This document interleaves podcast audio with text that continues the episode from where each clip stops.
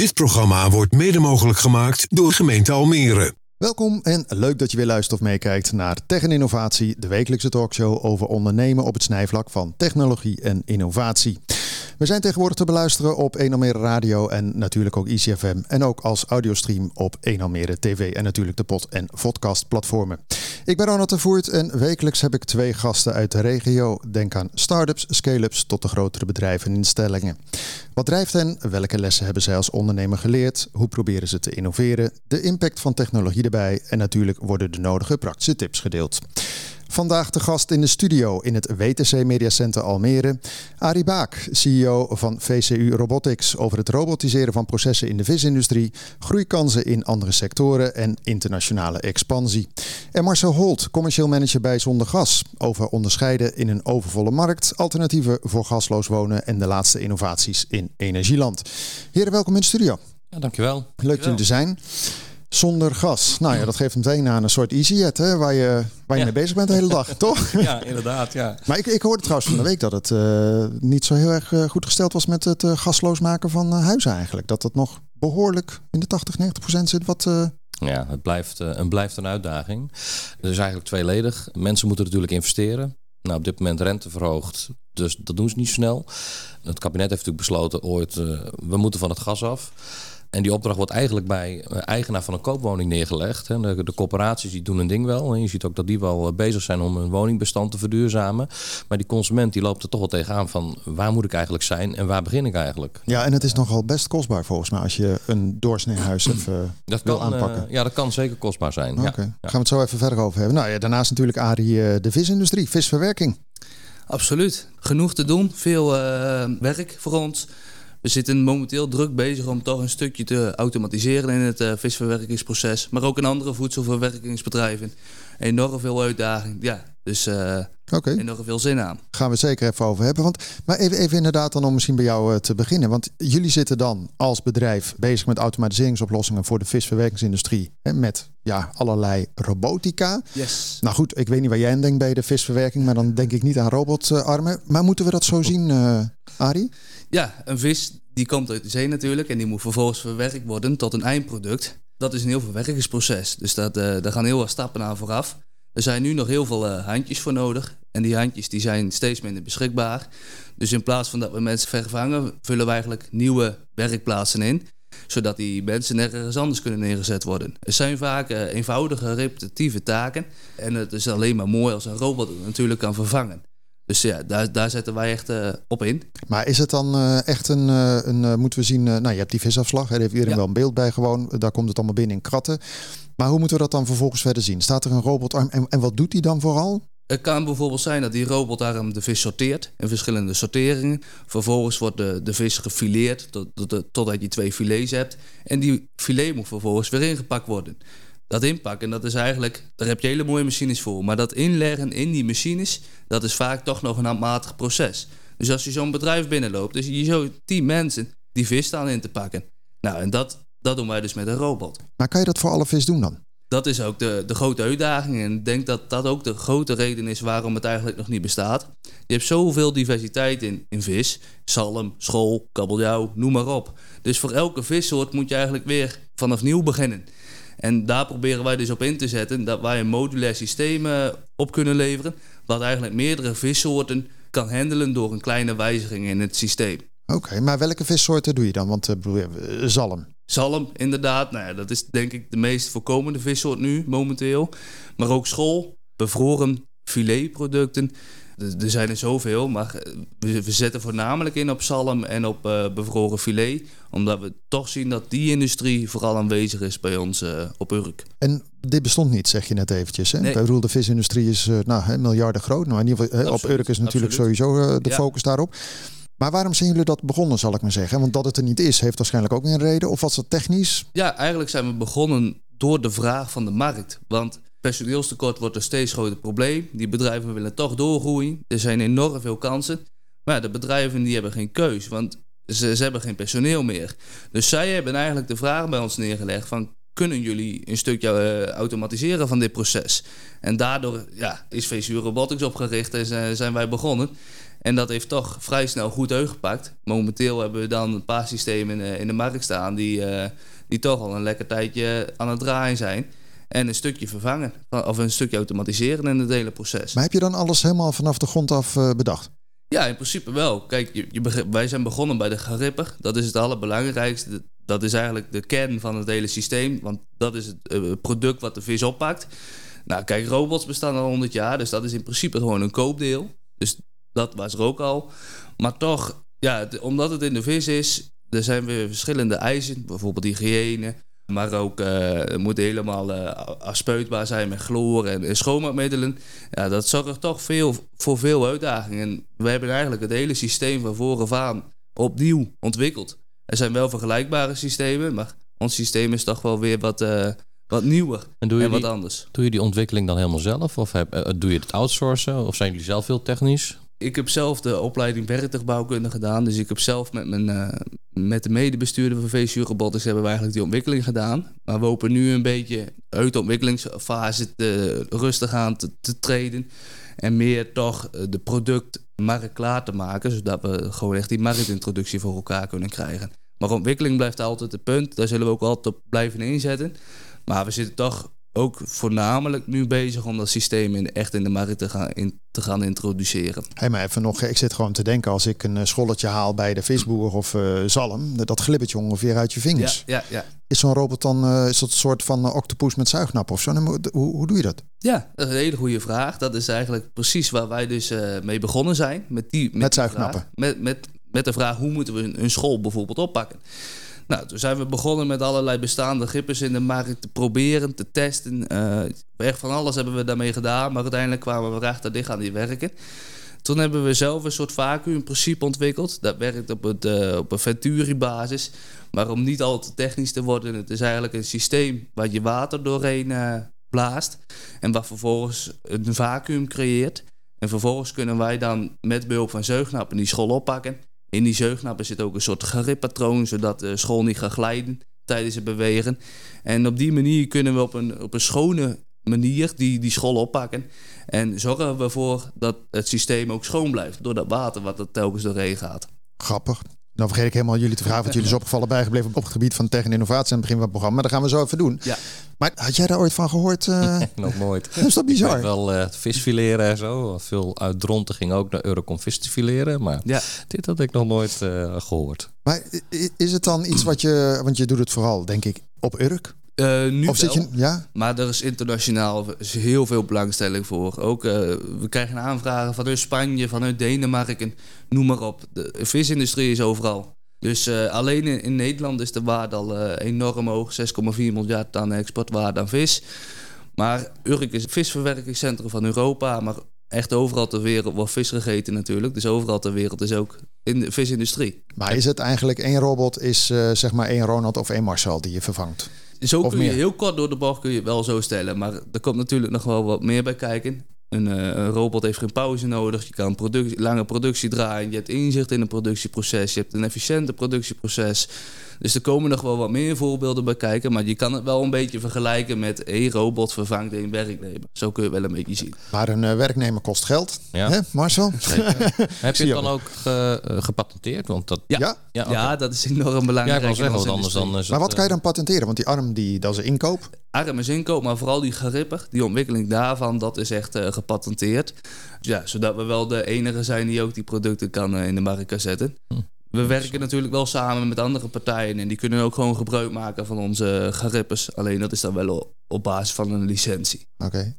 Nu zie ik het heel erg voor me dat even jullie komen hè, met, met de schepen kom je aan land en dan ga je de visverwerking doen. Maar het zou ook handig zijn als je dit gewoon op een boot alvast voor kan sorteren. Of is dat weer iets too much? Dat is, daar zijn we begonnen. Eh, de, Daar ben je- e- oh. de eerste robot die we hebben geplaatst, dat is vorig jaar augustus, die staat aan boord van een visser, visser Maar dan heb je toch een schip dat heen en weer gaat en een robot en zwaarte. En toch werkt het. Dus eh, dat is eigenlijk onze de worst case scenario. En toch hebben we daar een eh, automatiseringsoplossing weten te plaatsen. Die de scholletjes eigenlijk allemaal sorteert. Dus eh, die, die scholletjes komen langs en die hebben verschillende groottes, verschillende afmetingen, noem maar op. Want hoe doe je dat dan? Voor de robot staat een camerasysteem. Daar zit ook trouwens enorm veel ontwikkeling in. Dat werkt op basis van artificial intelligence, eh, noem maar op. Echt de nieuwste technologie wordt daarvoor gebruikt.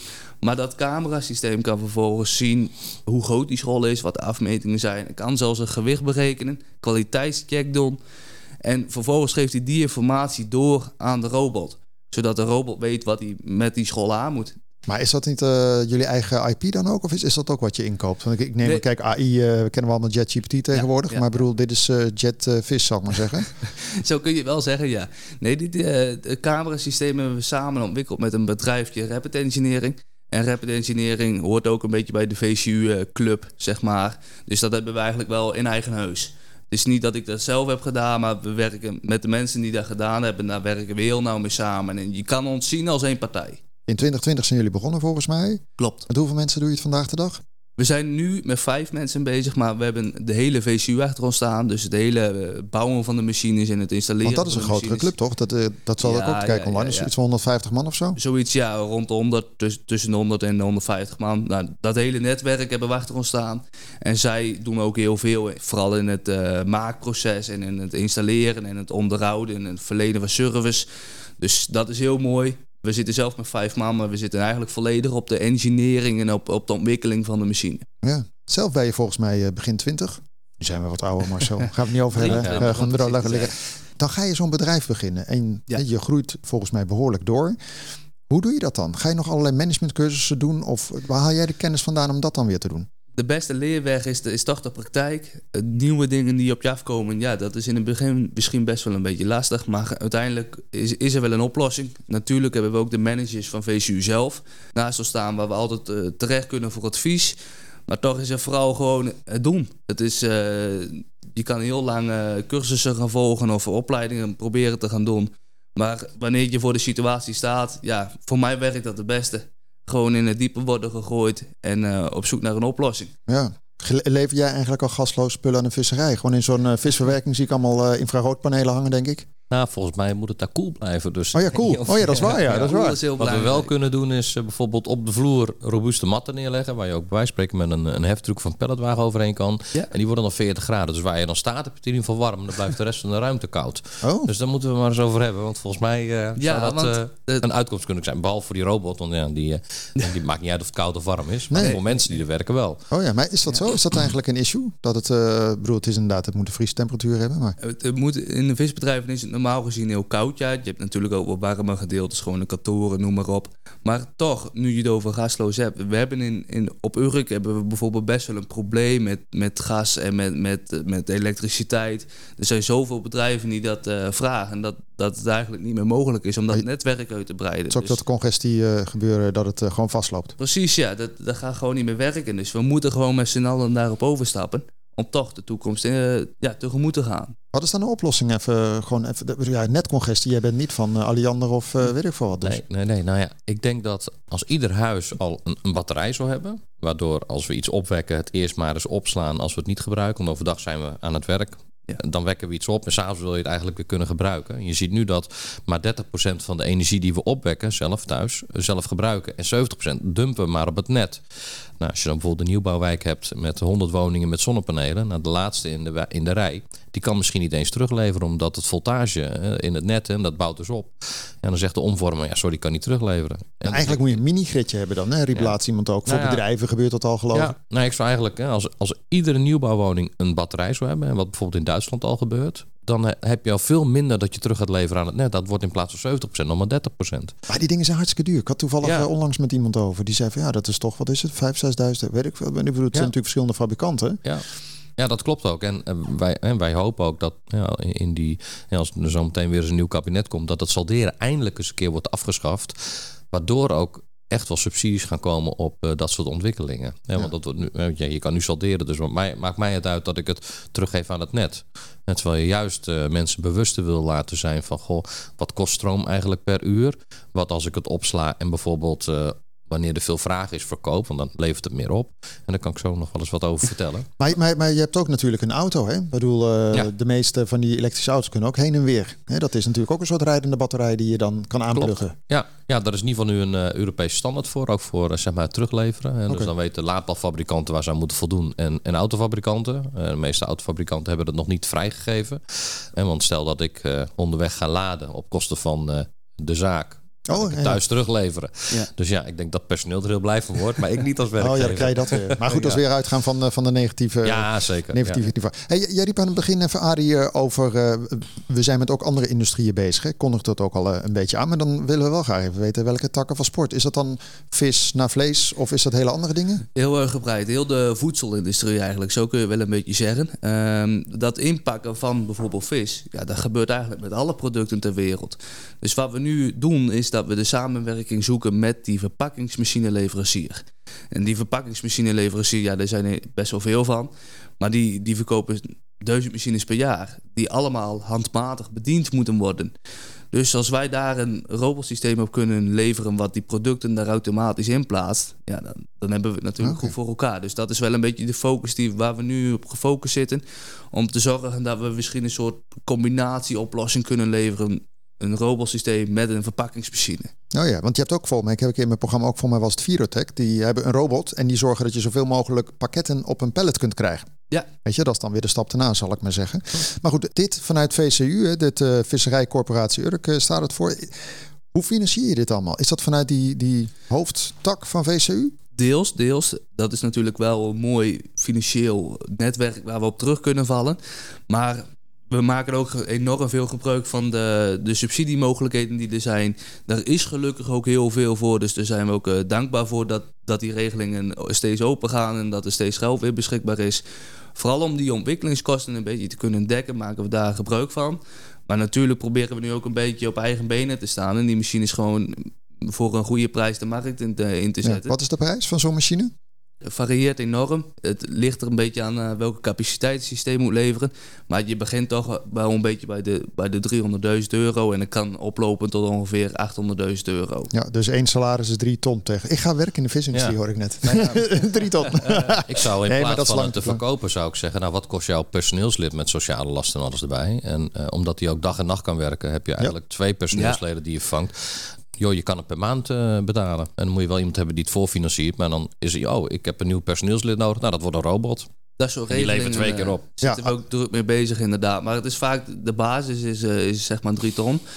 Wanneer je het uitgebreidt, vervang je vaak veel meer werknemers en wordt het systeem steeds voordeliger. We hebben nu bijvoorbeeld een machine, daar zitten vier robots in.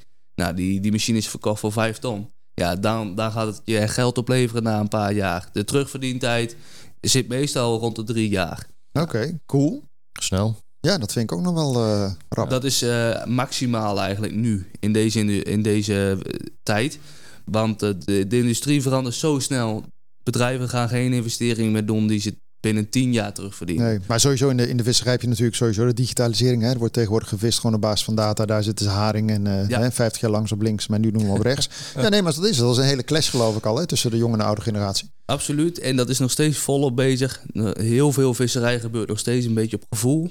Maar er komt eh, verandering in. Dat, Even, even tot slot, voordat ik dadelijk voor jou wil weten wat jou is opgevallen over het gebied van tech en innovatie. Als je dan kijkt naar het buitenland, dan zeg je ja, het zit overal. Maar Ja. goed, jullie zitten met vijf mensen. En zo'n robotarm, stel je voor eh, dat we die neerleggen inderdaad in eh, Spanje, in eh, Zuid-Amerika. Die heeft wel onderhoud nodig, whatever. absoluut. Hoe, hoe doe je dat dan? Want je krijgt heel veel vraag. Op het robotsysteem zit ook een camerasysteem waar, waardoor we van afstand kunnen inloggen. Dat noemen ze met een duur woord remote control. Eh, op die manier kunnen wij eigenlijk van afstand meekijken en kunnen we al een stukje service verlenen. Daarnaast hebben we natuurlijk nog het netwerk van VSU. Nou ja, die zitten ook overal ter wereld. Die zijn ook vaak zat in Denemarken en, en, en, en- ja, noem maar op. Waar en dan kan je servicemonteurs of whatever, kan je mee... eh, Precies, maar Oh, meeste kunnen wij dus al vanaf afstand eh, tackelen. Dus Wauw. Big Brother is watching you. Nou, als ze even meekijken of mensen ook nog verwarming nodig hebben. Nee, hey, maar wat is eh, je opgevallen op het gebied van tech en innovatie in de afgelopen periode? Wat mij is opgevallen is vooral dat communicatie enorm belangrijk is. Wat ik al zeg, ik, we zijn nu een korte tijd bezig. We zijn nu met vijf mensen, maar ik begin steeds meer in te zien dat communicatie gewoon key is. Tot een succesvol bedrijf. Telkens weer de doelen bijstellen, maar ook gewoon samen zitten, kijken waar, hoe gaan we verder, hoe gaan we vooruit. En telkens weer die focus erop leggen van wat als we nu een paar opdrachten krijgen, hoe kunnen we die gaan realiseren? Want er van tevoren al over, hè, dat opschalen, dat is gewoon enorm lastig.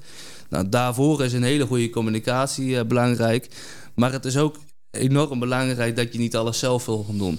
Dus we werken ook samen met goede partners, zoals VCU, maar ook bedrijven in andere landen, die voor ons de machines bouwen. Dus op die manier kunnen we dat stukje opschalen en toch steeds meer uh, ja, realiseren. Maar zitten jullie uh, ook, uh, je bent met z'n vijven, dus op zich valt dat nog wel mee. Maar goed, hoe minder mensen, hoe meer de fout kan gaan als de een iemand iets fout doet natuurlijk. Zit je dan ook veel op allerlei chatkanalen of dat soort dingen bedoel ik? Hoe, hoe communiceren? Zit je allemaal in hetzelfde kantoortje? We zitten nu allemaal in hetzelfde kantoortje oh. en dat bevalt ook wel goed. Maar toch, er kan heel snel wat misgaan. En je moet, ook, je moet er ook niet te strak op zitten. Je moet de mensen ook loslaten, een beetje flexibel zijn.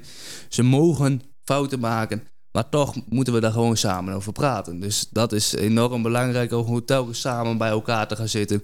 En te gaan kijken van hoe gaan we dit, uh, gaan we dit doen. Hoeveel mensen heb jij eigenlijk bij uh, Zondergas? Op dit moment in dienst 7.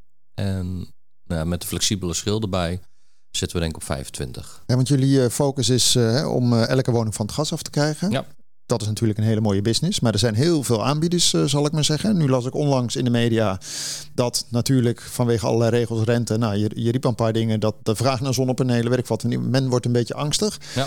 Hoe zit dat bij jullie? Merk je dat het een beetje een soort kentering heeft? Ja, als we vergelijken met vorig jaar, hè, toen met de enorme stijgen van, van de gasprijs, toen was er echt een run op, eh, op wat wij deden. Ehm, dus dat merk je eigenlijk marktbreed. Nou, woningen die overboden worden, et cetera. Ehm, nou, je merkt dat het dit jaar echt weer terug is naar het jaar daarvoor, zeg maar. Dus dat het weer stabieler is. Dus het is nog steeds niet slecht in de markt. Het is nog steeds hartstikke goed. Maar het is niet meer zo gekkenhuis als vorig jaar. Okay. Uh, maar vooral ook uh, nou ja, die onzekerheid. Hè. Je ziet nu ook dat de huizenprijzen wel weer stijgen, ondanks dat de rente hoog is. Maar ja, dat is gewoon de krapte op, op die hele markt. En ik denk wel eens, uh, goh, moeten we niet anders kijken naar dat hele woningbezit? als je een woning kan huren voor 1000 euro in de maand, dan kan je hem toch ook kopen, zou je denken. Maar ja, de bank heeft natuurlijk andere regels om dat te berekenen. Die kijken niet wat jij kan dragen, maar die kijken puur naar risico.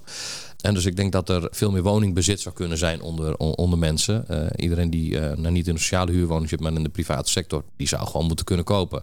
Maar dan moeten die woningen er wel zijn. En moet de bank ook het willen financieren. Ja.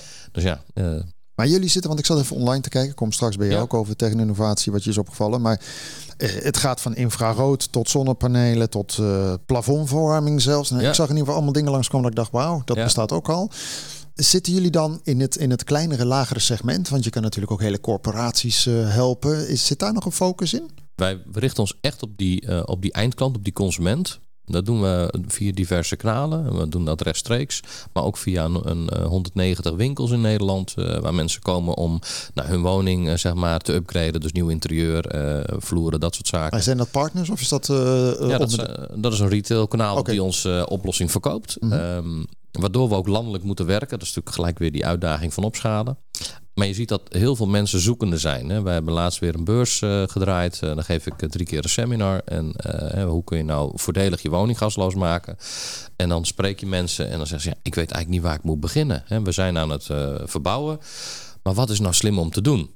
En nou ja, dan kom je met mensen in gesprek en dan, dan hoor je eigenlijk concreet de vraag waar ze mee zitten. En ja, ik begin altijd heel simpel van wat, is, wat is het huidige verwarmingssysteem? En als mensen al bijvoorbeeld uh, vloerverwarming hebben door het hele huis, ja, dan zou ik ook opteren voor die warmtepomp. Want ja, dan heb je al een laag temperatuursysteem. Heb je dat niet, dan moet je afvragen of je wel iets met water wil. Want als je iets met water doet, heb je een apparaat nodig die dat water gaat verwarmen. Nou, wij hebben alleen maar stroom nodig. Dus dat is zonder onderhoud uh, ja, eenvoudig te installeren. Dus een heel andere benadering. Maar hoe, hoe ga je dat doen? Want uh, ik zeg net, uh, het is een drukke markt. Hè. Er zijn veel partijen die hier veel vakkundig in zijn, maar ook heel veel partijen die een beetje de cowboy uithangen.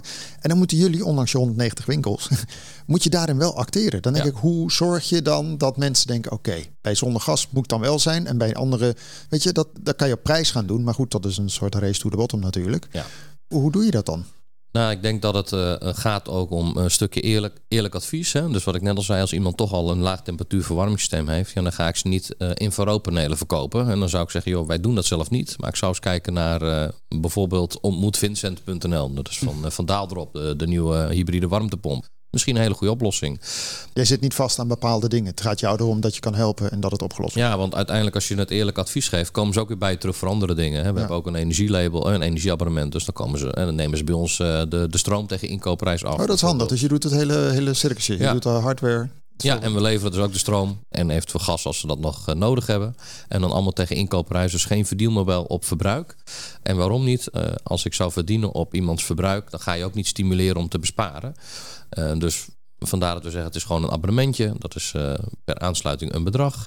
Uh, en voor de rest alles inkoopprijs. Waardoor het gewoon transparant en eerlijk is. Hebben jullie ook uh, unieke producten, zeg maar, die jullie ook onderscheiden ten opzichte van al die andere bedrijfjes? Ja, zeker. Ja, ja, we, hebben, we, we, importeren ook zelf producten die we laten maken onder eigen naam. En dat zijn verwarmingsfolies bijvoorbeeld. de verwarmingsfolies die, ja, die, die, die erachter doet. Ja, die kun je uh, nou ja, achter, uh, bijvoorbeeld die kun je in een wand verwerken of in die plafondverwarming of in een vloer. Het unieke aan die verwarmingsfolie uh, is dat die ook zelfregulerend is. En dat houdt in, normaal als je een, een, elektrische vloerverwarming hebt en je zet daar een zwaar product op, dan ontstaat er een hotspot en dan kan je vloer gaan verkleuren. De verwarming die wij hebben, zodra daar massa op staat, detecteert de verwarming dat en gaat die terug in vermogen. Dus hoe warmer de vloer wordt, hoe minder die gaat verbruiken. Dus ook als je een vloer opstookt van 25 naar 30 graden, bij die 30 graden gaat hij minder verbruiken, omdat hij meer warmte afgeeft. Dus dat is ook een nieuwe techniek uh, en uh, ontwikkeld uh, in, in Zuid-Korea. Ik had het even over die uh, infraroodpanelen. Ja. Dat heb ik wel eens iemand gehoord die, die zei ook van ja, maar dat is hartstikke handig, is goedkoper dan hè, convectie, weet ik wat. Dat. Mm -hmm. Maar toen dacht ik, ja, ik sta er nooit bij stil. Je kan ze zelfs kopen dat, dat je denkt, wauw, het is een schilderij. Hè? Ja. Dat is een soort van afbeelding erop. Wat is nou in jouw business tegenwoordig, hè, ondanks dat het gaat om wat heb je al en waar ga je naartoe, wat je net zegt, is echt trending? Is dan zo'n infraroodpaneel wel een soort van aha-moment van, oh, dat kan ook? Of zeg je nee, mensen doen gewoon eigenlijk uh, warmtepompen, zonnepaneeltjes? Nou, je ziet dat ondanks dat het best veel wordt aangeboden, dat het nog steeds heel onbekend is, zo'n infraroodpaneel. En dat er ook heel veel rommel op de markt is. En wij hebben infraroodpanelen die komen uit Europa. Ik kan een vergelijkbaar product eh, echt voor uh, 1 tiende kopen in China. En dan krijg je iets, en zeg ik altijd, nou dan koop je dus een strijkbout, die is ook 1000 watt. Die zet je neer in je kamer en dan denk je, nou wanneer wordt die kamer nou warm? Nou die strijkbout is niet gemaakt om warmte te stralen, maar om iets hè, tussen ja, strijken. En als je dan een infraroodpaneel pakt uit Europa, dan zie je in één keer dat hij wel een emissie heeft. Dus dat hij warmte afgeeft. En dat hij niet alleen maar heet wordt. Dus dat paneel wat alleen maar heet wordt. Ja, kijk, hij wordt 80 graden. Hartstikke fijn. Maar hij verwarmt niks. En dus en mensen die voor goedkoop gaan, dat is uiteindelijk ook duurkoop. Want dan krijg je die verhalen van ja, ik heb een infraroodpaneel, maar die verbruikt gewoon heel erg veel. Ja, dat, en, en ja. ja. hij krijgt de ruimte niet warm. En dan heb je het verkeerde product en het verkeerde advies gekregen. Maar toch ook, hè, dat je uh, plafondverwarming, wat ik zei, maar je hebt ook wandverwarming. Ja. Uh, sprak ik laatst iemand. Ja. Die, toen zei ik ook, hoe hou je dit warm op deze zolder? Ja, er zit wandverwarming. Ja. Dat was wel een stukje wand wat er natuurlijk een beetje hè, in, in, je huis komt. Ja, had jij er wel eens van gehoord, uh, Nee, nee. Nu, nu je zegt, ik, ik hoor hier voor het eerst van. En ik vind het een enorm mooi uh, concept. Ja. En, ja. ja. ik denk echt dat uh, die oplossingen toch wel meer kunnen betekenen dan dat je zo'n hele warmtevat moeten aanschaffen en een uh, boiler. Noem nou, waar we veel tegenaan lopen in de praktijk is ook dat het bij mensen thuis niet past, hè, die warmtepompoplossing. Ze hebben de ruimte er niet voor, omdat die cv-ketel is vrij klein, compact. Ja, dan krijg je in één keer een warmtepomp in huis. Dat is toch een ander apparaat. En dan moet je nog buiten iets doen. Nou, net als met die plafondverwarming. Hè. Mensen zeggen, ja, warmte vanaf het plafond, dat is toch heel raar, Marcel? Nou, bijna alle kantoorgebouwen hebben warmte vanaf het plafond in Nederland. En warmte gaat naar kou. Dus als mijn vloer 15 graden is en mijn plafond 40 graden, dan wordt die vloer echt verwarmd door die stralingswarmte van het plafond. Het grote voordeel is ook dat een vloer kan ik maar op 26, 27 graden stoken. Want anders wordt het te warm om te lopen. Met hetzelfde vermogen kan ik die vloer ook op 40 graden krijgen. Maar dat, ja, dat kan niet. Het plafond wel. Dus met hetzelfde vermogen kan ik ook een oud pand. Hè, wij doen ook uh, grachtenpanden in Amsterdam bijvoorbeeld. Prinsengracht, jaren geleden gedaan. Ja, die kun je gewoon verwarmen met stralingswarmte. Door het in het plafond te verwerken en het plafond 45 graden stoken. Heb je voldoende warmte wat als een deken over je heen valt. En ja, je gaat niet meer betalen dan dat je nu met gas doet. In, want in principe is infrarood nog relatief goedkoop, toch? Qua verbruik. Ja, zeker. Ook omdat je ruimte voor ruimte kunt bedienen. Dus je hebt niet een centrale verwarming, maar decentraal. En dat is ook in de nieuwbouw nu vastgelegd dat je decentraal moet kunnen aansturen als je elektrisch verwarmt. Ja, wat doe je met een, uh, een cv-ketel, een centrale verwarming? En ze hebben het ook over een cv-ketel centraal. Één thermostaat voor je hele ruimte. Dus nou, ik weet niet of je het herkent, maar als je op zolderkamertje een werkplek hebt, moet je beneden de thermostaat open doen. Nou, niemand die al die radiatoren beneden gaat dichtdraaien. Nee. Nou, en wij verwarmen dus alleen maar dan daar waar je bent. Ja, nou ja, ik heb thuis master to master. Ik heb eh, inderdaad, uh, weet je het, uh, aardwarmte. Weet je wel? Ja. Maar dan heb ik ook inderdaad dat je de ene kamer wel niet doet, want anders dan, uh, nou, dan schiet het ook niet helemaal op. Hey, maar dan, dan eventjes naar, er is heel veel vraag. Dan zijn er heel veel partijen op de markt die natuurlijk ook uh, daarvan proberen te profiteren. Hè? Je hebt ook uh, een, een, partij die uh, Roomler heet dat. Ja. En die doen van alles op het gebied waar jij ook zit. Een soort Uber eigenlijk. Ja. In nou, de energiewereld zal ik maar zeggen. Is dat dan voor jullie een concurrent? Of zeg je van nou nee, dat vinden wij eigenlijk wel prettig. Want daar kunnen we ook mee samenwerken. Die hebben ook allemaal freelancers in hun netwerk. Ja, Romler is eigenlijk een partij, en is eigenlijk een platform, hè, wat je net al zegt, net als Uber. Uh, die, uh, nee, die, en die hebben een pool van mensen die, uh, die ervan houden om innovatieve producten nou, zeg maar op de markt te installeren. Dus dat, ja, dat kan de simpele toonthermostaat zijn bijvoorbeeld, maar het kan ook onderhoud van cv-ketels zijn of plaats van laadpalen. Nou, wij zijn ook met hun dus nu uh, zover dat we de eerste monteurs gaan opleiden om onze vloerverwarming aan te gaan brengen. Daarmee creëer je een hele flexibele schil. Je kan groeien per gebied. Nou, omdat we ook die winkels hebben in Nederland, kunnen we ook zeggen: Nou, we gaan de marketing eerst doen in de randstad. En vanuit daar gaan we nou, als een olievlek verder.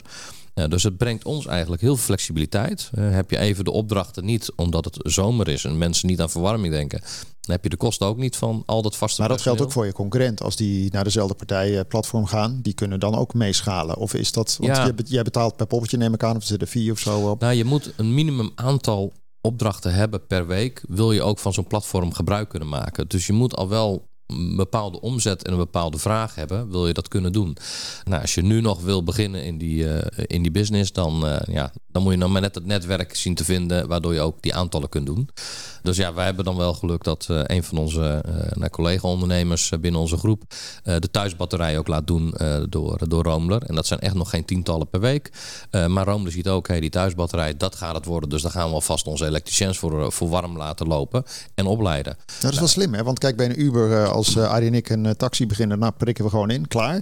Maar in dit geval, wat je zegt, gaat zo'n platform ook in één keer kennisverrijking doen. Ja, Uh, dat is lekker voor jullie. Want Ja. anders krijg je iemand die dan toch niet helemaal equipped is.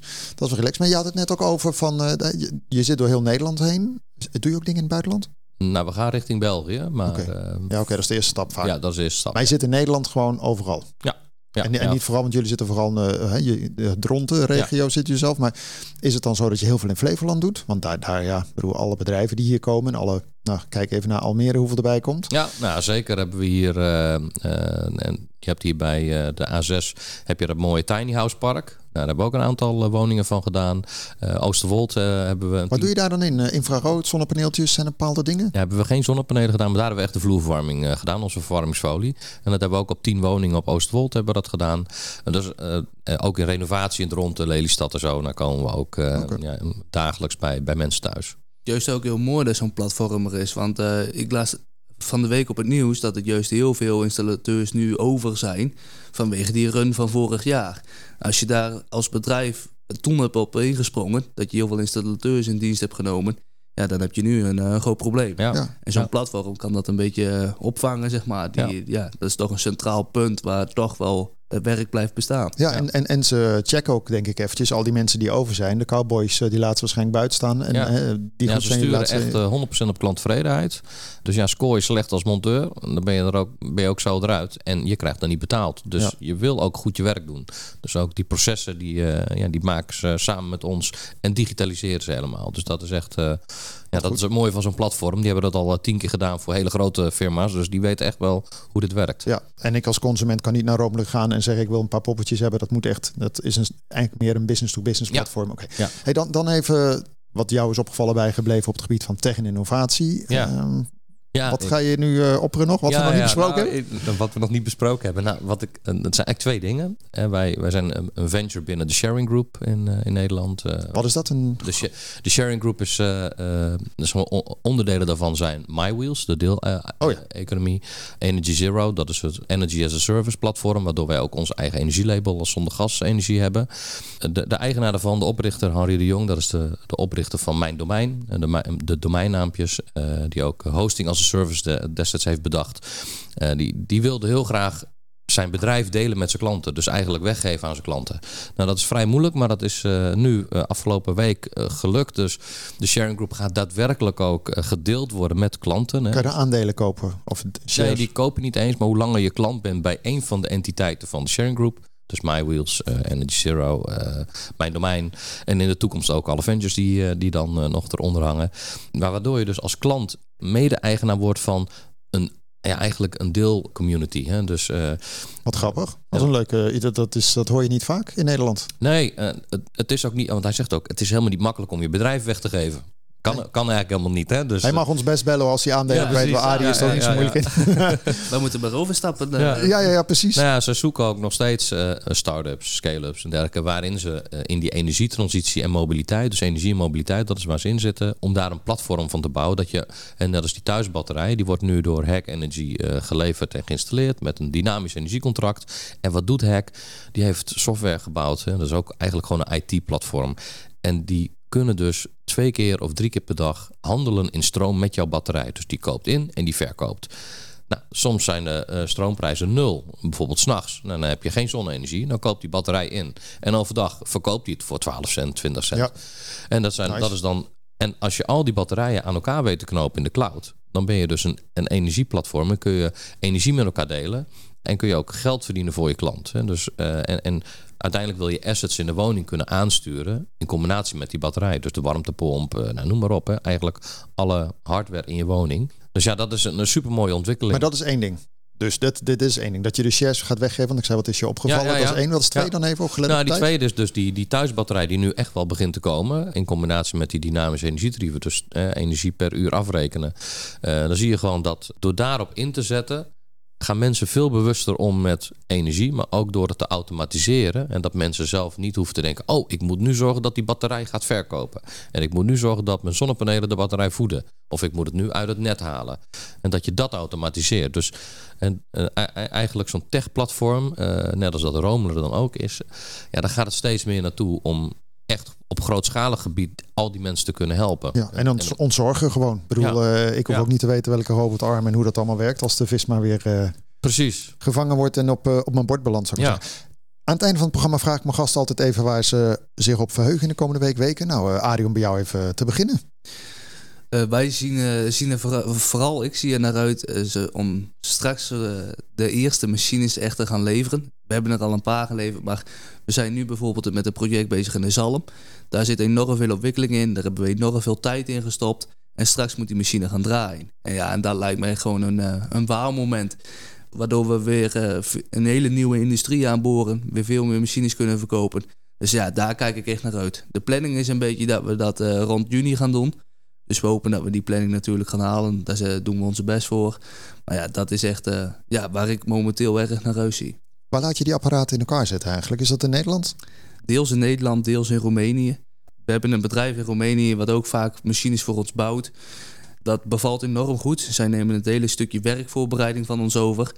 Dus ja, prachtig dat die partijen er zijn. En op die manier worden wij een stukje ontzorgd in het hele bouwproces. Want dat is eigenlijk niet wat, waar onze kwaliteiten liggen. Ja, nou heel goed hè, dat je weet waar je kracht ligt. Want, uh, en bij jou, waar verheug jij je op komende week weken? Ja, komende week weken. Op de kou, op de kou, op de winden. Ja, meer nou, omzet. Ook, ook. Nee, nee, eigenlijk op de wintersport. Ik ben echt al tien jaar niet meer geweest. Maar oh, januari, dit jaar nog? Of, uh... Nee, januari. Oh. Uh, ja, ja, dan ga ik voor het eerst uh, sinds tien jaar of zo weer eens een keer lekker skiën. En dat is zo lang geleden. Maar ja, als je onderneemt, dan ben je druk. Ja. En dan gun je jezelf de tijd niet. En dit jaar heb ik gezegd, ik plan het gewoon in. En ik ga eens lekker acht dagen lekker naar de sneeuw. Dus, okay. nou, er was wel de afgelopen tijd veel sneeuw te vinden op bepaalde pistes. Dus ik gun je van harte dat het ook daar is. Dankjewel. Ik ga jullie hartelijk danken. Heer Arie Baak, CEO van VCU, VCU moet ik zeggen. Gewoon lekker ja. Nederlands Robotics. En Marcel Holt, commercieel manager bij uh, Zondergas. Heren, dankjewel. Uiteindelijk gaat het over automatiseren. Kunnen we ook wel een beetje zeggen. Hè? Ja, bedoel, zeker, uh, ja. En mocht je nog een keer zo'n vloertje willen incorporeren in de visverwerking. Ja, of in de boot. Zeker interessant. Ja, ja, dus uh, voor de kapitein. Die staat natuurlijk ook. Uh, ja. Oh kijk, ik zie een hele nieuwe markt, dus, jongen. Ja, een hele nieuwe markt. We gaan internationaal hoor. hey, hartelijk dank nogmaals. jij bedankt voor het kijken en wat luisteren naar deze aflevering van Tech en Innovatie. Wil je eerdere afleveringen bekijken of beluisteren? Check even de platform uh, ICFM-app uh, Enomeren, dan wel de andere streamingsdiensten. Hele fijne week verder en graag tot volgende week. Dit programma werd mede mogelijk gemaakt door gemeente Almere.